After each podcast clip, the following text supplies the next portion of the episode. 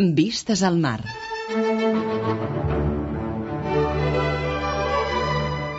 Vistes al mar. Una mirada als nostres músics.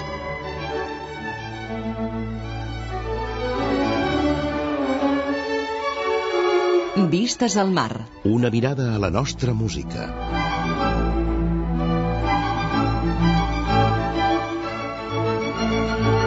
Vistes al mar. La música i els músics que han fet història al nostre país.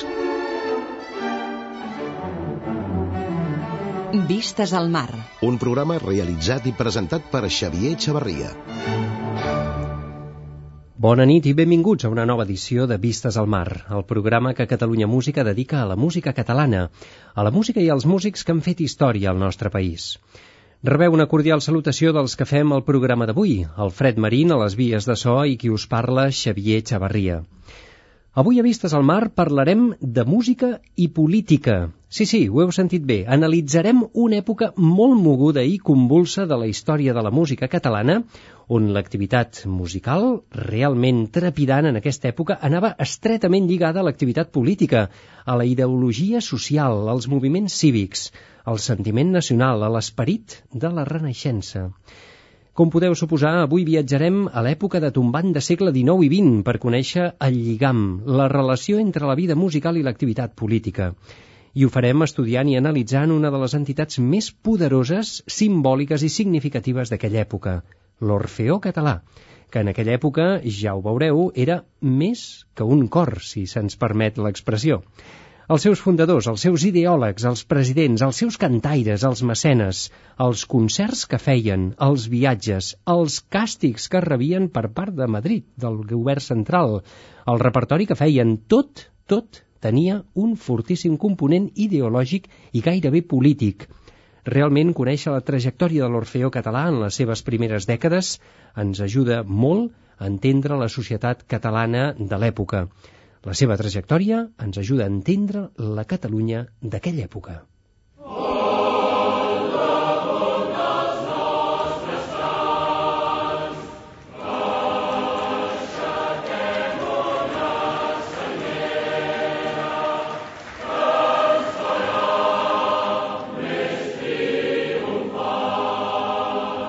Sí, sí, és el cant de la senyera. Avui tornarà a sonar, no patiu, sencers i, evidentment, doncs, si us ve de gust de posar-vos d'en peus, doncs endavant, vosaltres mateixos. Aquí, a Vistes al Mar, avui parlarem d'això, catalanisme, sentiment nacional, ideologia política en la música i en les institucions musicals d'aquella època, i especialment en l'Orfeó català, el gran aparador cultural i social de la política de l'època.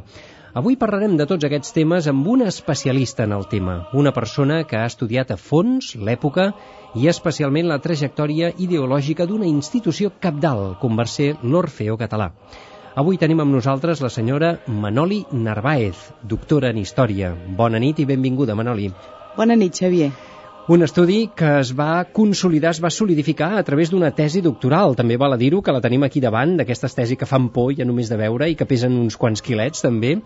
Presentada, a més a més, recentment, ara fa uns mesos, oi que sí? Sí. Per què aquesta tesi doctoral? Presenta'ns-la, quin títol té i d'on va sorgir la idea de fer-la? Sí, la tesi és l'Orfeó català, cant coral i catalanisme entre 1891 i 1951 i el que vol analitzar aquesta tesis és la trajectòria històrica i musical d'una entitat tan emblemàtica per Catalunya i per la seva història com és l'Orfeó català. Uh, per què de la tesi? Perquè d'alguna forma eh, calia fer aquesta història, aquesta vinculació d'una entitat musical amb la història de Catalunya i en la història del catalanisme.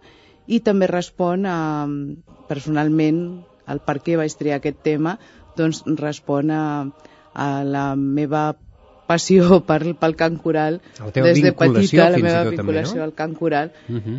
eh, fet que va, va fer que, que m'interessés per aquesta història i veiés doncs, que calia fer-la, calia fer aquest estudi. Una tesi doctoral, un estudi, a més a més, enfocat des del punt de vista, sobretot, històric, Històric. Eh? social, evidentment, amb una base musical impressionant, perquè recordem que tu pròpiament vens d'història, no pas de musicologia en aquest cas, però que tens una vinculació molt estreta amb la música, amb el cant coral, etc. Eh, ha sigut difícil coordinar tot això? Eh, què has hagut de consultar? Suposo que han estat anys de treball, oi que sí? Sí, han estat molts anys de treball, molts anys de dedicació i consultar mm, tot el que havia d'història fet fins aleshores i tot el que ha estat a l'abast, sobretot fons primàries, però també altre tipus d'informació sobre l'Orfeo català, bàsicament eh, actes de, de les juntes directives, actes de les assemblees generals, eh, tot el que s'ha escrit a nivell de premsa i sobretot la revista musical catalana i altres publicacions de l'entitat. Uh -huh. Així per fer un titular, una miqueta per saber i perquè els nostres oients sàpiguen de què anirà avui el programa. Realment l'Orfeo català ha tingut un component ideològic i polític tan fort com expliques en aquesta tesi doctoral? Més del que fins i tot ens podem arribar a imaginar en aquella època, bàsicament? Sí, de fet la importància de l'Orfeo jo penso que és la conversió del catalanisme d'un estat, eh, dirien, d'esperit, eh, va acostar a la gent aquest sentiment nacionalista d'identitat de comunitat nacional.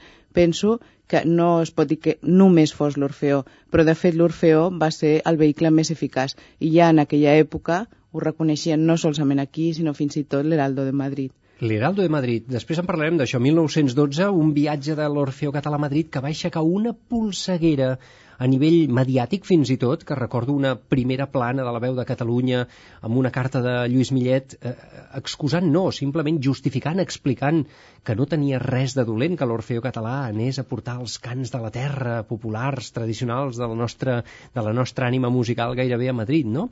En parlarem d'això, evidentment. Amb tot això, ens estàs dient pot ser que fins i tot tota aquesta àurea simbòlica, aquest, aquesta importància musical que ha tingut l'Orfeo català, sobretot els primers 25-30 anys de la seva història, no només és deguda al seu bon nivell musical, que això és innegable, sinó també al símbol polític que tenia, és a dir, la gent, quan els sortia a rebre per tots els pobles i poblets de Catalunya, anaven a veure més que un cor, realment? Sí, realment anaven a veure més que un cor, però no per, eh, perquè dirien, eh, s'ho imposaven, sinó perquè ho sentien així. És a dir, la música, la música popular, va ser el vehicle i va, van saber veure el Lluís Millet i Amadeu Vives i tots els altres va ser el vehicle ideal per, compen per fer comprendre a la gent aquest esperit que les paraules, els discursos polítics no, no arribaven. Eh? Mm -hmm. En canvi, la música sí que arribava al cor. Aquest sentit de, emoció que té la música va ser el que realment va ser el vehicle transmissor. I després estava la gran mm, qualitat del cor, que evidentment, tal com després de, de tants contrastos amb tant, tants, tant tipus de veus diferents, hem de creure que realment era un cor extraordinari a l'època. Es creaven, mm, el que deies abans, autèntics moviments de masses, és a dir, era un peregrinatge. Hi havia gent que era seguir l'Orfeo allà on anés si anava a Vilafranca, Vilafranca, si anava a Sant Feliu, a Feliu. És a dir... Gent que seguia l'expedició de l'Orfeo català. de l'Orfeo català. Es muntaven època, trens... Viatjaven amb tren, bàsicament? Estem sí. parlant dels anys 20, dels anys 10, I fins i tot? fins i tot abans, fins i tot en el tombant de segle, sí, sí, sí. Es posaven en marxa trens, després, quan el tren, si no arribava al, al municipi, doncs eh, s'agafaven eh, carros, s'anava caminant com fos, però eren autèntiques peregrinacions. Això La que... gent ho vivia, eh? o sigui, no és que fossin molts, cada vegada era més gent, però eh, els que eren eren molt actius. Eren sí, sí. vehicle de propaganda i de, i de masses. I a més a més, que... quan arribaven a la localitat en qüestió, fos el poblet que fos, arreu de Catalunya, sortia tot el poble a rebre'ls. Sí, sí, era, era, de... festa, era festa major, era un dia de uh -huh. festa. Que vingués l'Orfeó en aquells anys després altres cors també, però sobretot l'Orfeo català era un dia especial, un dia de festa en què es treien les senyeres, se sortia de la rutina diària i un se sentia, com podem dir, més, més català que mai. Eh? Una mica el que veiem ara amb el futbol. Exacte, eh? amb el Barça. Jo estava doncs, pensant en les rues aquestes En aquell que moment el, no? el Barça tot just començava L'Orfeo català, vols a dir? funcionar ah, no, el, i l'esport també, i llavors no sí, era, sí, sí. l'esport encara no era un moviment de masses i en canvi el Can Coral sí ho era, i ja sobretot era. el Can Coral de l'Orfeo català. déu nhi A veure, ja per anar directes al, tema que, que ens ocupa. L'Orfeo Català neix el 1891. Molt bé, quina ideologia política representa quan neix? Lluís Millet, Amadeu Vives i tot, tota aquella generació que van fundar l'Orfeo Català, quina ideologia representen? A veure, bàsicament ells eh, eren catalanistes, eh, però el que ells volien quan van crear l'Orfeo Català, mm, la idea bàsica era propagar el catalanisme, però ells, a més a més, consideraven que havien de contribuir a la identitat catalana tal com ho havia fet la Renaixença amb la literatura, amb la història, en el dret. Ells consideraven que la música era el vehicle i era el, necessitava també aquest renaixement musical i de fet ho van aconseguir. En parlarem i també dels partits que hi havia en aquella època i de les batusses que es van arribar a organitzar i sobretot també d'aquesta mena de competència que hi havia perquè van conviure, van ser coetanis amb el moviment claverià.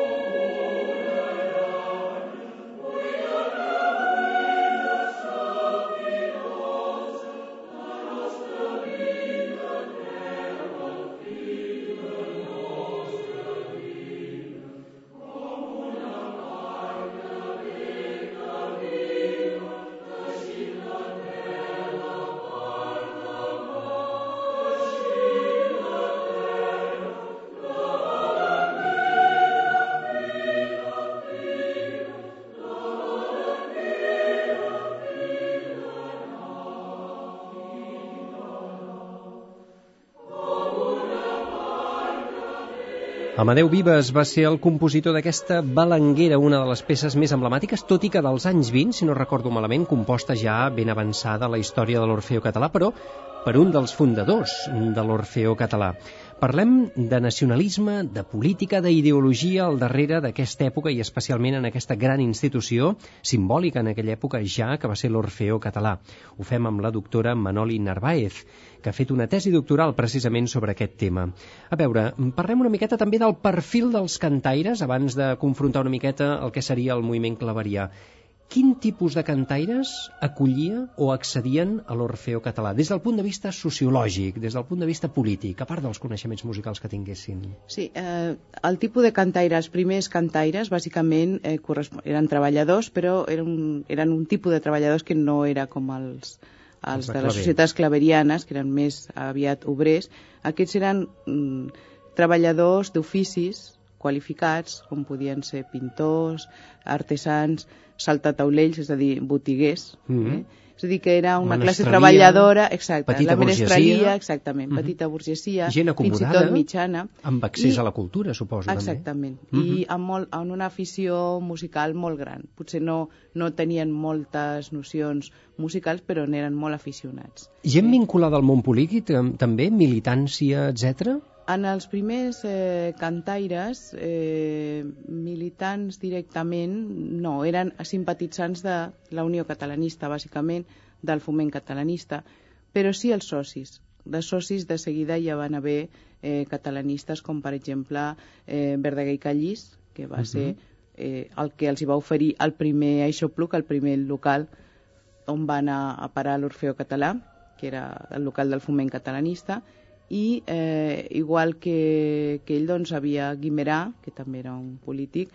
i molts altres al llarg de la trajectòria de l'Orfeo català, molts altres. Pensen que el primer nucli eren 30, eh? Uh mhm. -huh. però eh, en els anys a venir van començar a haver doncs, moltíssims polítics entre els protectors polítics que eren, diguem-ne, d'aquest sector més tradicional, perquè bàsicament l'Orfeo català, recordem-ho, representava aquest catalanisme tradicional, pròpiament, oi?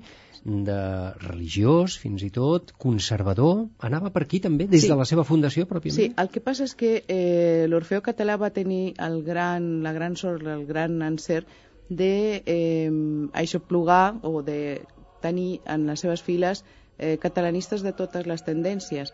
D'aquí que els moments de conflicte o de ruptura eh, era una mica difícil mantenir la tranquil·litat dintre de, de la casa. I, I si es mantenia la tranquil·litat i la neutralitat era precisament per salvaguardar l'entitat, perquè ningú volia que l'Orfeo desaparegués com moltes altres associacions catalanistes, entre elles el Foment, per exemple.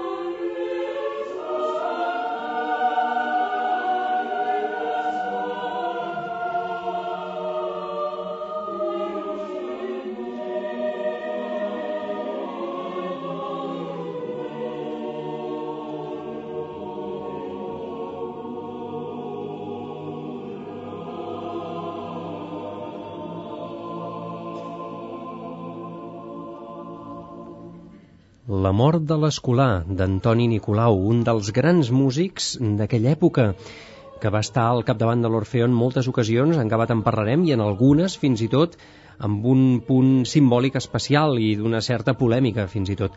Aquests grans músics de l'època també representaven per l'Orfeo català que seria la regeneració, la renaixença musical, no? més enllà del, del factor sociològic i polític, no?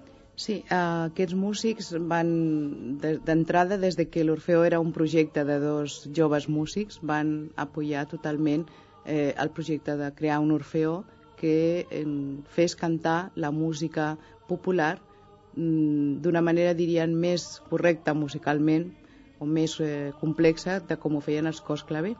Llavors, Nicolau va ser un gran suport. Uh. -huh. Si Pedrell va ser l'ideòleg, recordem que Pedrell escriu per nostra música a l'any 92, 1892, doncs Nicolau va ser el gran suport, una figura mm, molt important en la música catalana, en la, en la seva època com a director molt contestada pels modernistes, però en canvi com a compositor, com a director, com a guia, inclús de l'Orfeo català, doncs va ser una figura molt important. Ell va ser el que va donar l'entrada a, a l'Orfeo català en el sinfonisme, passada només la música a capella a cantar amb orquestra en formacions instrumentals. Això en aquella època devia ser tota una revolució, perquè veníem d'una tradició pròpiament que seria la dels cors de claver, i entrem en el tema, que venien a ser un perfil de cor sociològic ben diferent, però que van coexistir, és a dir, van cohabitar. Ho dic perquè en algunes ocasions, i em sembla que en aquesta tesi doctoral es desmenteix, s'ha vingut a dir que l'orfeonisme ve a ser una superació, una sublimació del moviment claverià. No és així de cap manera, oi no que no? és així de cap manera. De fet, eh, el moviment claverià ha subsistit 150 anys després. És a dir, Encara hi és, vaja. Eh, sí, uh -huh. de fet, la idea és aquesta, que en, en l'època, malgrat eh, les, eh, el que d'alguna forma l'estructura era podia semblar semblant, hi ha, hi ha de seguida la diferenciació entre un cor i l'altre ni el perfil de les, dels, dels components era el mateix, ni el perfil sociològic, diríem que eren més, obre, més obrers, els cors claver, ni eh, l'estructura del cor en el qual en els orfeons es van introduir les dones, un tema molt important que en després m'agradaria sí, sí, sí, sí. insistir en ell, ni tampoc el tipus de formació vocal i el tipus de formació musical ni el tipus de públic que arrossegava un i l'altra formació, ni per tant el tipus d'ideologia, especialment en aquest tombant de segle quan el catalanisme i el republicanisme tenien un enemic comú que era el centralisme, però entre ells també es batusaven uh mhm. -huh. perquè, evidentment, eh, el republicanisme veia en el catalanisme un moviment retrògrad, un moviment eh, no progressista o, fal, o conservador, conservador no? religiós, uh -huh. etc i tota una sèrie d'adjectius que li dedicaven i, per una altra banda, el catalanisme veia en aquest republicanisme un moviment laic, un moviment eh, eh, radical, un moviment doncs, que no combregava amb la seva idea de l'ordre i del que eren... Uh mhm. -huh. Eh, la convivència, per dir I fins forma. i tot eh, se m'acut que de vocació també eren ben diferents, perquè d'alguna manera els cors de claver pròpiament el més important pot ser fins i tot no era ni tan sols la música, no? Era, és igual cantar la novena de Beethoven o la passió de Bach, l'important era treure en aquella gent obrera eh, sense accés a la cultura d'aquell món, diguem-ne, doncs, tan enclaustrat i tan claustrofòbic i, i, i fer-los accedir una miqueta a la cultura a través de la música i d'una música tan accessible com és la música coral. En canvi, l'Orfeo català sí que tenia unes aspiracions. pretensions, aspiracions musicals, oi? Sí, sí. Els cors claver eren bàsicament un moviment eh, societari, un moviment que pretenia dignificar l'obrer i en canvi doncs, l'Orfeu català ja tenia pretensions musicals. O sigui, això ha anat variant al llarg del temps i les relacions eh, normalment en, en èpoques normals han estat bones, excepte en aquests moments, sobretot el tombant de segle, doncs, que, que hi havia unes grans trifulgues entre el moviment republicà i el moviment catalanista, però eh, això no treu que la convivència a nivell, diríem, d'associacions corals, de claverians i orfeonistes, doncs no pogués ser bona en, en determinades ocasions. Però també van proclamar o van tenir algun, algun element conflictiu, inclús per escrit i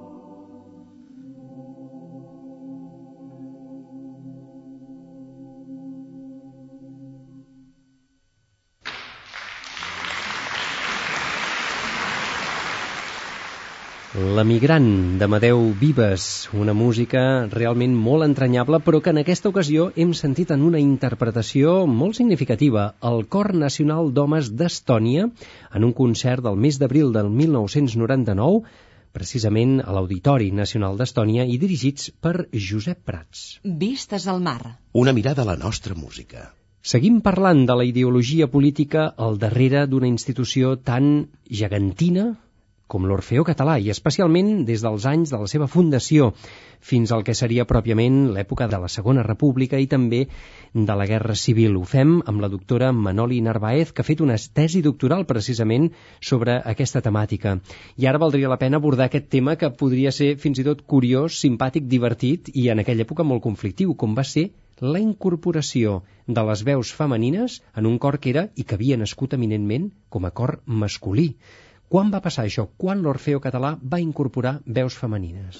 Això va passar a 1896, però la idea, mm, que ja prèviament la sentien Amadeu Vives i Luis Millet, va venir representada per la visita de la Capella Nacional Russa, que es composava de veus d'homes, de nens i de dones.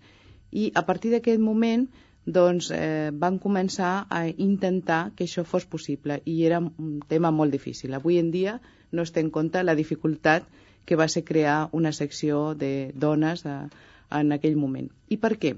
Doncs perquè les dones que tenien, les dones de classe mitjana, tenien entre les seves eh, tasques doncs, aprendre música. Però, en canvi... Una, una afició sí, era aprendre música. Sí, sí, era uh -huh. ben vist doncs, que estudiessin música i que cantessin, però eh, no en públic, només dirien de cara a la família.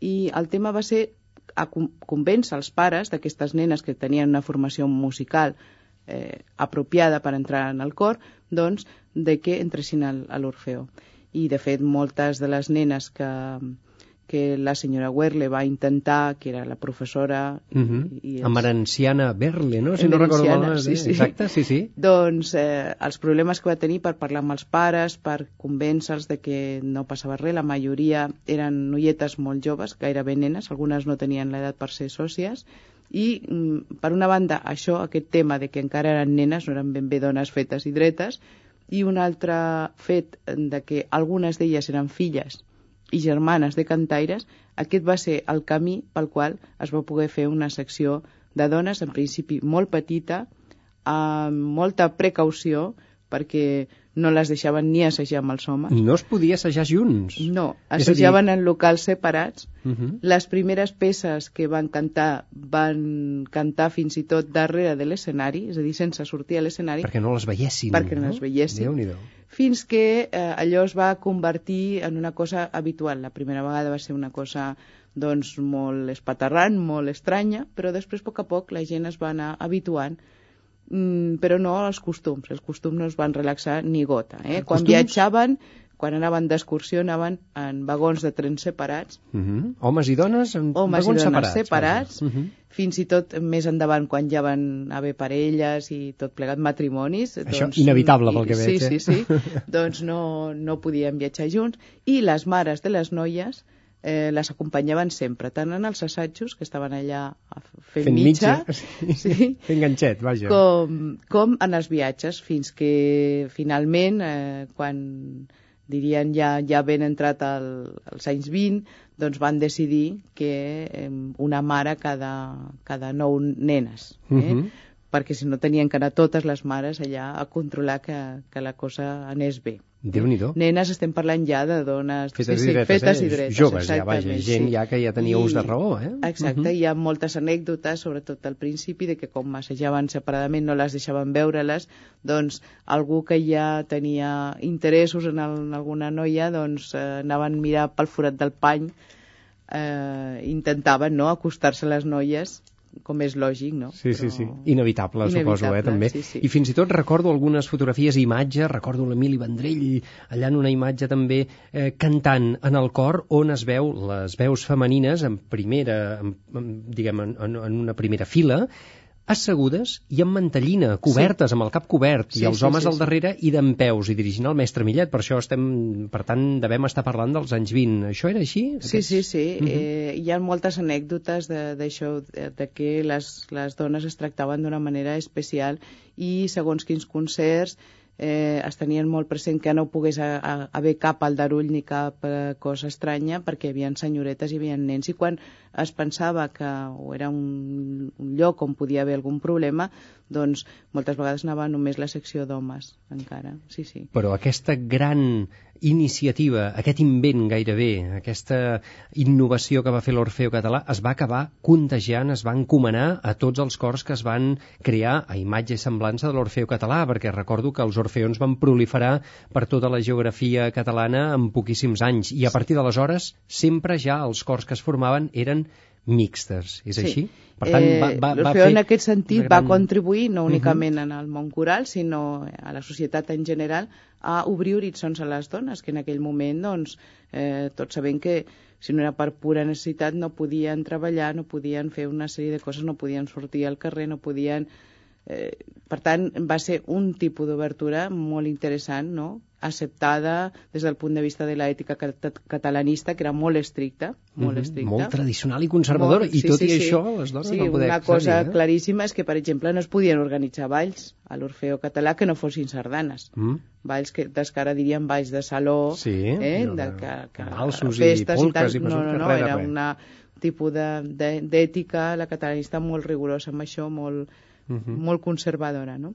I en aquest sentit, el fet de que les dones poguessin sortir en públic i poguessin fer una activitat pública com aquesta, doncs va ser una obertura d'horitzons important i que tots els altres cors i, evidentment, altres associacions van adoptar eh, de seguida. Estem parlant precisament d'aquest final de segle XIX, principis del segle XX, una època, ja ho veieu, socialment, políticament convulsa i realment molt interessant, on l'Orfeo català va tenir una preponderància, un protagonisme molt especial i va protagonitzar alguns fets i alguns esdeveniments força curiosos, com per exemple quan va cantar això.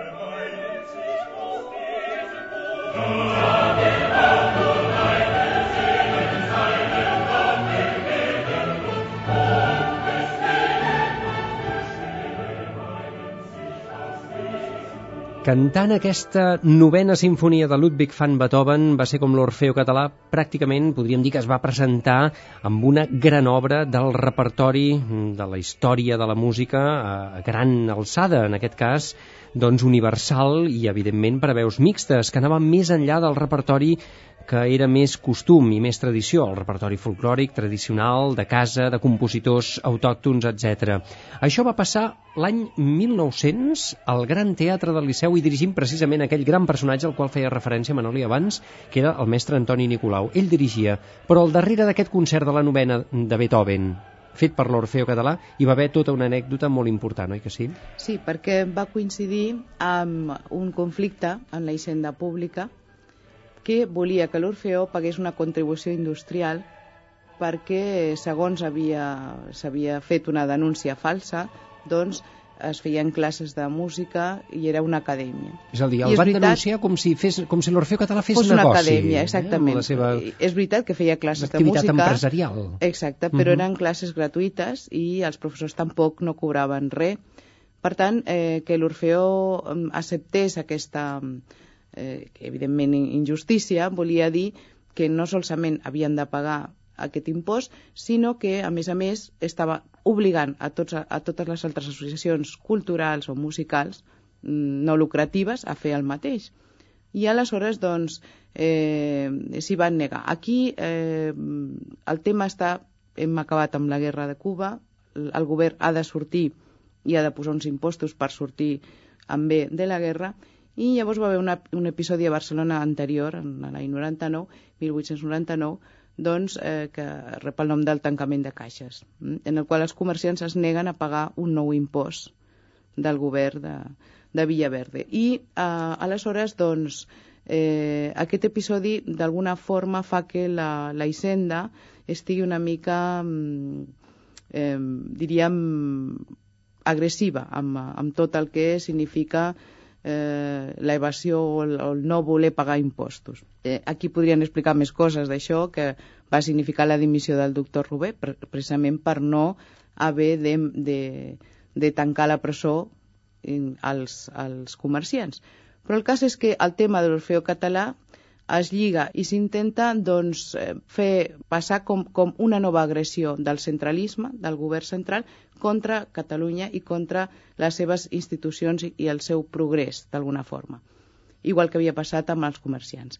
I aleshores doncs quan venen a embargar l'entitat, el que fan és treure la senyera i tots els premis emblemàtics que s'havien sí? guanyat. Sí. Mm -hmm. És a dir, van arribar a embargar, es van endur eh, els trofeus i els premis? La, la senyera, de la qual ja representava un símbol eh, per tota Catalunya, perquè havia anat per tots els pobles, els premis que havien guanyat a Nissa, eh, tots els eh, premis i trofejos que els havien regalat als ajuntaments, les diputacions, en els anys que portaven de vida, i aleshores eh, aquí van estar molt ben assessorats pels advocats de la Lliga Regionalista, Ramon Abadal sobretot, que van portar el cas i llavors van permetre l'embargament tenint en compte que l'Orfeo havia de cantar al Liceu. Es va armar un gran escàndol, es va mobilitzar la premsa, i fins, eh, fins i tot doncs, perquè no s'armés un altre escàndol com el, el dels comerciants, doncs van intentar que sortissin en la senyera encara que estaven embargades. No?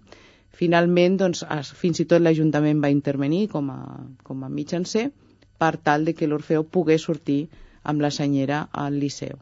I eh, dirien que l'èxit de la novena que sembla ser que era una obra que van treballar molt bé i que ja era emblemàtica a l'època pel cor, doncs l'èxit de la novena s'hi va sumar l'èxit de tot el catalanisme que en això veia una primera victòria contra el centralisme. Perquè recordem que en aquesta època, a més a més, l'Orfeó acabava de tenir el que podríem dir la seva consagració internacional. Van assistir a finals del segle XIX, no recordo exactament l'any, a Nissa, a un concurs del qual en van sortir absolutament triomfants, no? Com va sí, anar això? el concurs d'Orfeó de Nissa de 1897, al qual Lluís Millet no volia assistir. No hi volia anar? No volia. A ell no els li agradaven anar als concursos, concursos. no? Mhm. Ell pensava que el cant coral era per eh, compartir, no per com- competir. Competir. Mhm. Va ser I- l'únic, de fet, l'únic concurs sí, que van sí, assistir. L'únic, sí. l'únic. I va, I va fer perquè a tothom li feia molta il·lusió. El president Joan Millet, que era a l'època el seu germà, eh, el subdirector, com ella, tots els cantaires, i a final... Eh, cosa que ell era molt, molt tossut en Molt les reaci, seves no? conviccions, Sí. però va cedir i fins i tot té tot un epistolari amb, el, amb Pedrell que li explica totes les eh, dirien les seves angoixes de que puguin sortir escaldats perquè això, aquests concursos utilitza aquesta paraula, són una camama Una dir, camama. Sí, sí, sí, és a dir, una, una trampa no? en la que l'Orfeo pot perdre el prestigi i tal. I, en canvi, surten molt ben parats, surten un primer premi de lectura vista, un segon premi d'execució i fins i tot eh, un tercer premi també de, de conjunt i eh, un, una menció honorífica a Luis Millet per la seva direcció. És a dir, que venen aquí i això s'interpreta, fixem-nos que estem en el, en, el, en el context de la guerra de Cuba, que va ser molt important. I eh, en aquest con- context de, de, dirien de, de, de decadència, de, de crisi, doncs, eh, que el com bo passava a Espanya, no? Mhm. Que el com bo passava a Catalunya i va ser rebut, va ser la primera vegada que va ser rebut, doncs, allò en, en plan multituds no, per totes les autoritats i a partir d'aquí doncs, eh, tots els viatges de l'Orfeo Català ja ho eren aquí dintre Catalunya van tenir aquest, aquest alè perquè va ser el prestigi, va ser la primera cosa mm, dirien com a prestigi internacional. A partir d'aquí, totes les figures que venien, inclosa Sara Bernard, Sara Bernard. Sí, Va venir volien- per, amb motiu de l'Orfeo català? Eh, volien visitar, quan venien a Barcelona Sí. o tal, volien visitar l'Orfeo català. I ja no, no parlem de músics com Oh, i- Vicenç d'Indi, Sí, sí. com qualsevol músic, i actor o personatge que venia a Barcelona. Eh, I això que encara no s'havia fet al Palau de la Música Catalana. Exacte, Estem parlant exacte. de finals del segle sí, sí, XIX, sí, eh? Fixa't. Sí, sí, que quan es va fer el Palau més, però en el Vaja, que local s'havia que estiguessin... posat de moda l'Orfeo català Ah, en aquella exactament. època. Fins i tot a nivell internacional havia guanyat un prestigi que el feia magnètic i que la gent venia a visitar i a veure aquella Sí, sí. ciutat que tenia aquell supercor, podríem dir, no? Sí, sí, sí. Tot i que això, a més a més, l'Orfeo català probablement, en totes les sortides que va fer per aquella època, recordo, doncs això, València, Palma, Saragossa, etc i posteriorment la de Madrid, ja en parlarem, eh, va començar a utilitzar una miqueta, va, va posar-hi un component ideològic en totes aquestes sortides, no? Ja sortia, sobretot, com a ambaixada més social o política que no pas cultural, no?, en aquesta època. Sí, el concurs de Nissa, evidentment no, era un concurs musical i va cedir Lluís Millet, però totes les altres visites, com per exemple l'any 99, 1899, doncs va visitar la illa de Mallorca, o precisament per intentar establir relacions amb el, cata amb el catalanisme de la illa. En 1901 va fer un viatge pel sud de França precisament per prendre contacte amb el regionalisme francès i amb el felibrisme. Igualment, eh, podem dir de la visita durant l'exposició de València en 1909, però potser la, la, la més important de totes, eh, perquè estem intentant sintetitzar una miqueta, Sí. no? Eh, les anteriors és això, les, als territoris de la Corona d'Aragó, però potser la més important de totes, la ambaixada cultural i ideològica més important va ser a 1912, quan viatja a Madrid, d'alguna forma per fer veure eh, a l'Espanya central que el catalanisme no era una ideologia perillosa, que era una ideologia emotiva, d'amor a la pàtria, d'amor a la terra, d'amor als sentiments, i, i tot això ho va aconseguir l'Orfeo català. No sols va viatjar l'Orfeo català, també van viatjar art, altres artistes eh, catalans, com podia ser la- l'Adrià Gual, eh, que molt conegut per, per les seves obres teatrals, Mhm. però sobretot l'Orfeo català va tenir aquesta emocionalitat, eh, va ser rebut molt cordialment i tothom parlava d'ambaixada cultural, de mancomunitat d'art, per dir d'alguna forma. Gairebé hi va haver més polèmica aquí i ja en tornar que no pas a Madrid quan hi van cantar.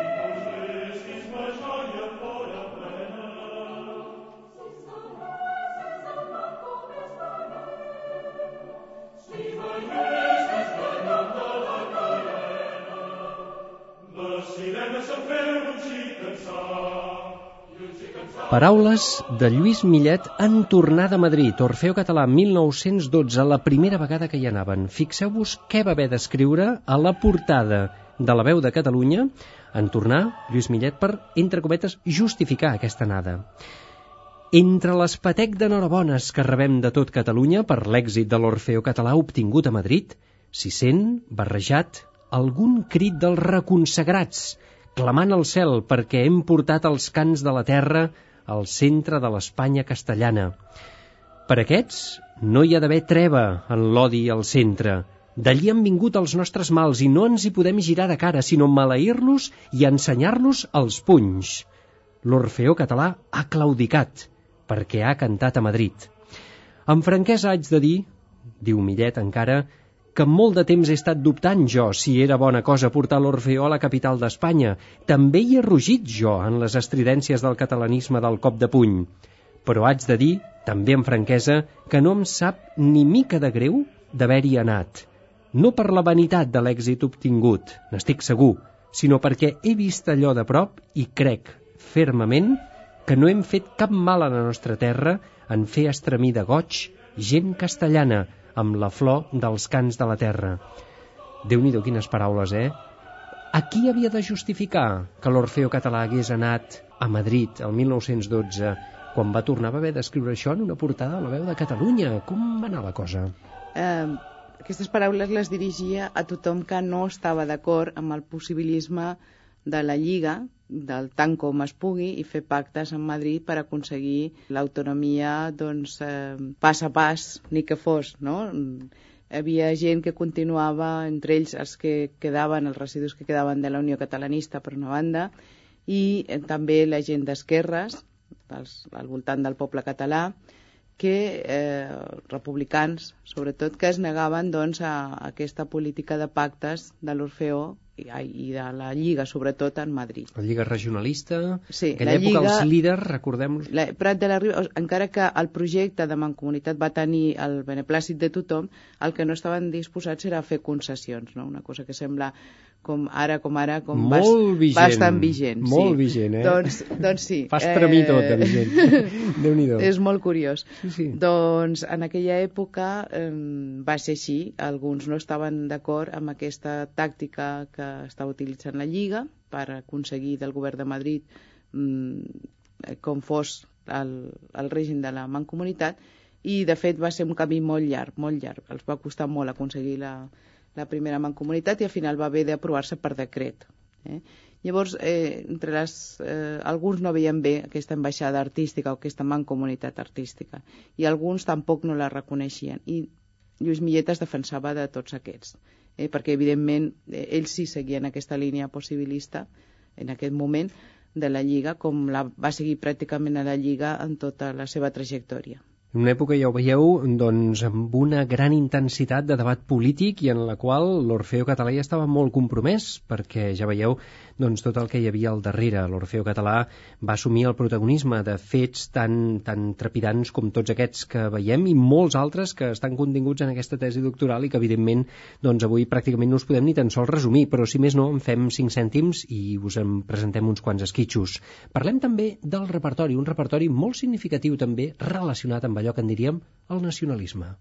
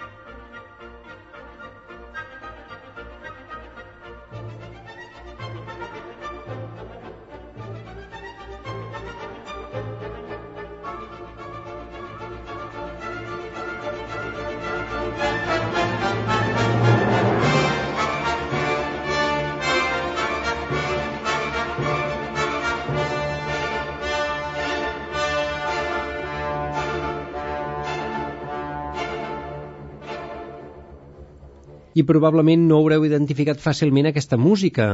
Això és Eduard Grieg, aquest gran compositor noruec que podríem dir que és el pare de la música noruega. Què hi pinta Grieg aquí? Per què ens has suggerit que poséssim música d'Edvard Grieg per il·lustrar aquesta conversa sobre l'Orfeo català? Perquè d'alguna forma Grieg va ser eh, el músic i el compositor per excel·lència de l'època d'inici de l'Orfeo català en quant a l'admiració nacionalista. No únicament Grieg, tots els a l'escola noruega, però també l'escola franco-belga, eh, era com una d'ella en aquell moment, com, des, com també ho va ser després Wagner, però Grieg, eh, d'alguna forma, en els inicis de l'Orfeo català, és eh, un dels models de la inspiració del que havia de ser la música popular, uh -huh. la música en aquest cas la nostra, però per tant moltes de les composicions de la música de Grieg, tant instrumentals com corals, mmm, van tenir molta acceptació, no únicament dintre l'Orfeo, sinó en el cercle de músics eh, modernistes, tant modernistes fers com modernistes per, per, per osmosi, per, per l'època, uh -huh. i de fet el primer el primer èxit important en repertori de l'Orfeo català va ser eh, un concert a l'Ateneu barcelonès eh, dedicat a Grieg. On es van interpretar cançons de Grieg, per exemple? Sí, com eh, per exemple Xiula Fuet, per exemple Dansa dels Noms i moltes altres peces en les quals també es composaven després peces instrumentals, normalment sempre fetes per, per conjunts que es formaven per l'ocasió, perquè aquest era un dels problemes, encara que no ens toca a nosaltres, uh -huh. de la música a l'època, la falta de conjunts estables a nivell instrumental. Instrumental, encara sí. no, no hi havia prou, diguem-ne, una infraestructura important a nivell d'orquestres i de conjunts instrumentals professionalitzats i amb bon nivell, no? Uh -huh. Al nivell fins i tot del propi Orfeo català, que a vegades es veia, bueno, amb qui toquem, no? Fins que no va arribar, suposo, l'orquestra Pau Casals, però això hi havia uns quants anys després. Bastant després, Exacte. sí, sí, sí. Per tant, això ho hauríem de deixar fins i tot per una segona, una hipotètica fantàstica segona edició d'aquesta mateixa temàtica que avui ens ocupa Vistes al Mar, eh? Mm, jo penso que això ens ha de quedar una miqueta al tinter i ha d'acabar sortint tard o d'hora. I també hem de parlar del tema pròpiament de la música religiosa, que era un altre dels atots emblemàtics de l'Orfeo català d'aquella època ja.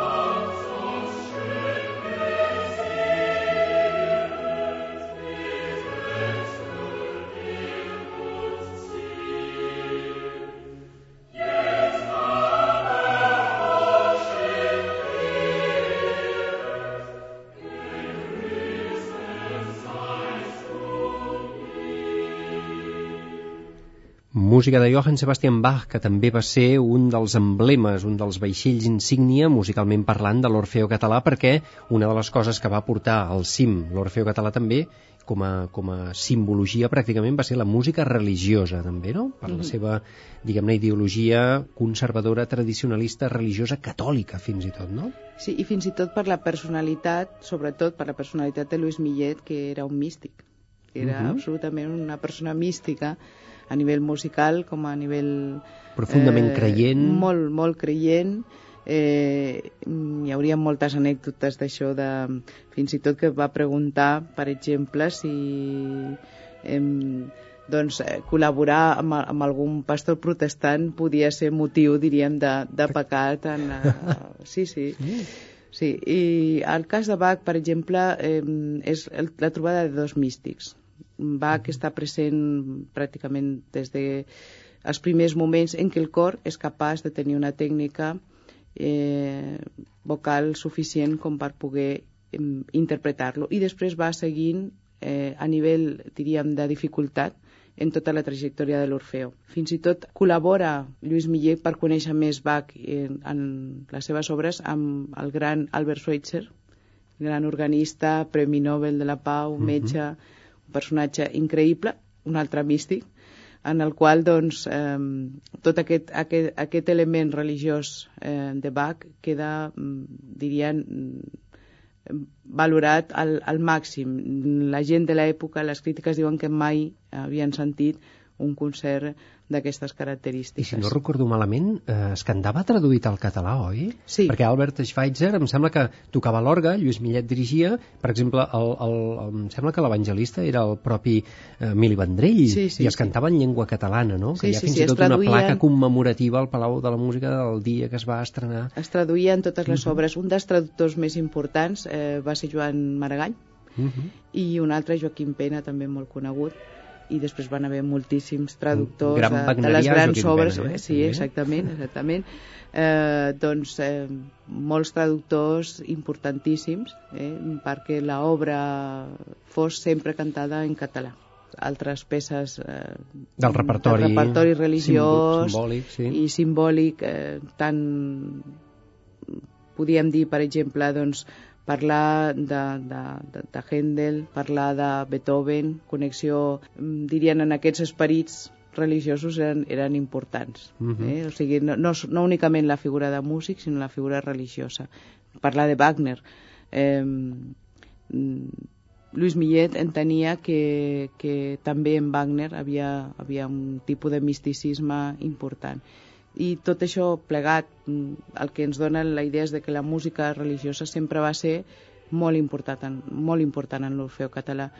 Recordem que ja en els primers anys, ja no parlem de la gran, del gran moviment sinfònic coral, sinó de la polifonia. Va, va ser precisament eh, Luis Millet, evidentment amb el suport de Pedrell, amb el suport d'altres músics i musicòlegs, però va ser ell el que va rescatar tota la polifonia del segle XVI que estava oblidada totalment. Doncs aquesta era una de les, eh, dels aspectes més interessants també d'aquesta activitat de l'Orfeo català en aquells primers anys del segle XX. Fixeu-vos on ens hem quedat i és que dona molt de sí, perquè fixeu-vos que avui teníem previst també de parlar doncs, de l'adveniment de la dictadura de Primo de Rivera, de la germanor dels Orfeons de Catalunya, perquè això es va implementar arreu del territori i de la geografia catalana, també de la proclamació de la República, on l'Orfeo català les va passar magres una miqueta, oi? Perquè era, Sí, sí. diguem-ne, allò considerat una miqueta massa tradicionalista i conservador, i això anava en contra, no? És a dir, l'Orfeo català sempre ha tingut al voltant una mena de, eh, diguem-ne, d'àurea simbòlica políticament parlant i que avui, malauradament, no podrem tractar, però, Manoli, si et sembla, el que haurem de fer és tornar-nos a trobar i de cara d'aquí a unes setmanes tornar a parlar, fer una mena de segona part d'aquesta conversa, no et sembla? Encantada, quan vulgueu, doncs Valdrà la pena, eh? podeu comptar amb mi. Ja ho crec. Catalanisme, ideologia política i Orfeo català avui ha estat el tema d'aquest Vistes al Mar tan especial en el qual ens ha acompanyat la doctora Manoli Narváez, doctora en Història, i que ha dut a terme aquesta tesi doctoral L'Orfeo català, cant coral i catalanisme 1891-1951, que ens ha desvetllat tants secrets d'aquesta trajectòria musical i social d'aquesta gran institució catalana. Manoli, moltíssimes gràcies per ser amb nosaltres i felicitats per aquest gran treball d'investigació que has dut a terme. Gràcies a tu i a vosaltres. I fins ben aviat, esperem, eh? Bona nit. Ens acomiadem, Alfred Marín ha estat al control de so i qui us parla, Xavier Xavarria. Fins divendres que ve, a reveure. Vistes al mar.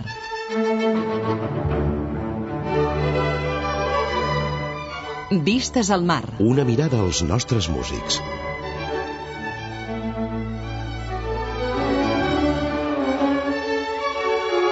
Vistes al mar. Una mirada a la nostra música.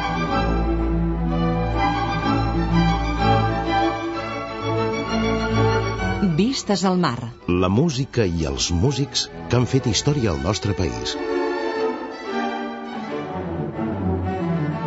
Vistes al mar. Un programa realitzat i presentat per Xavier Xavarria.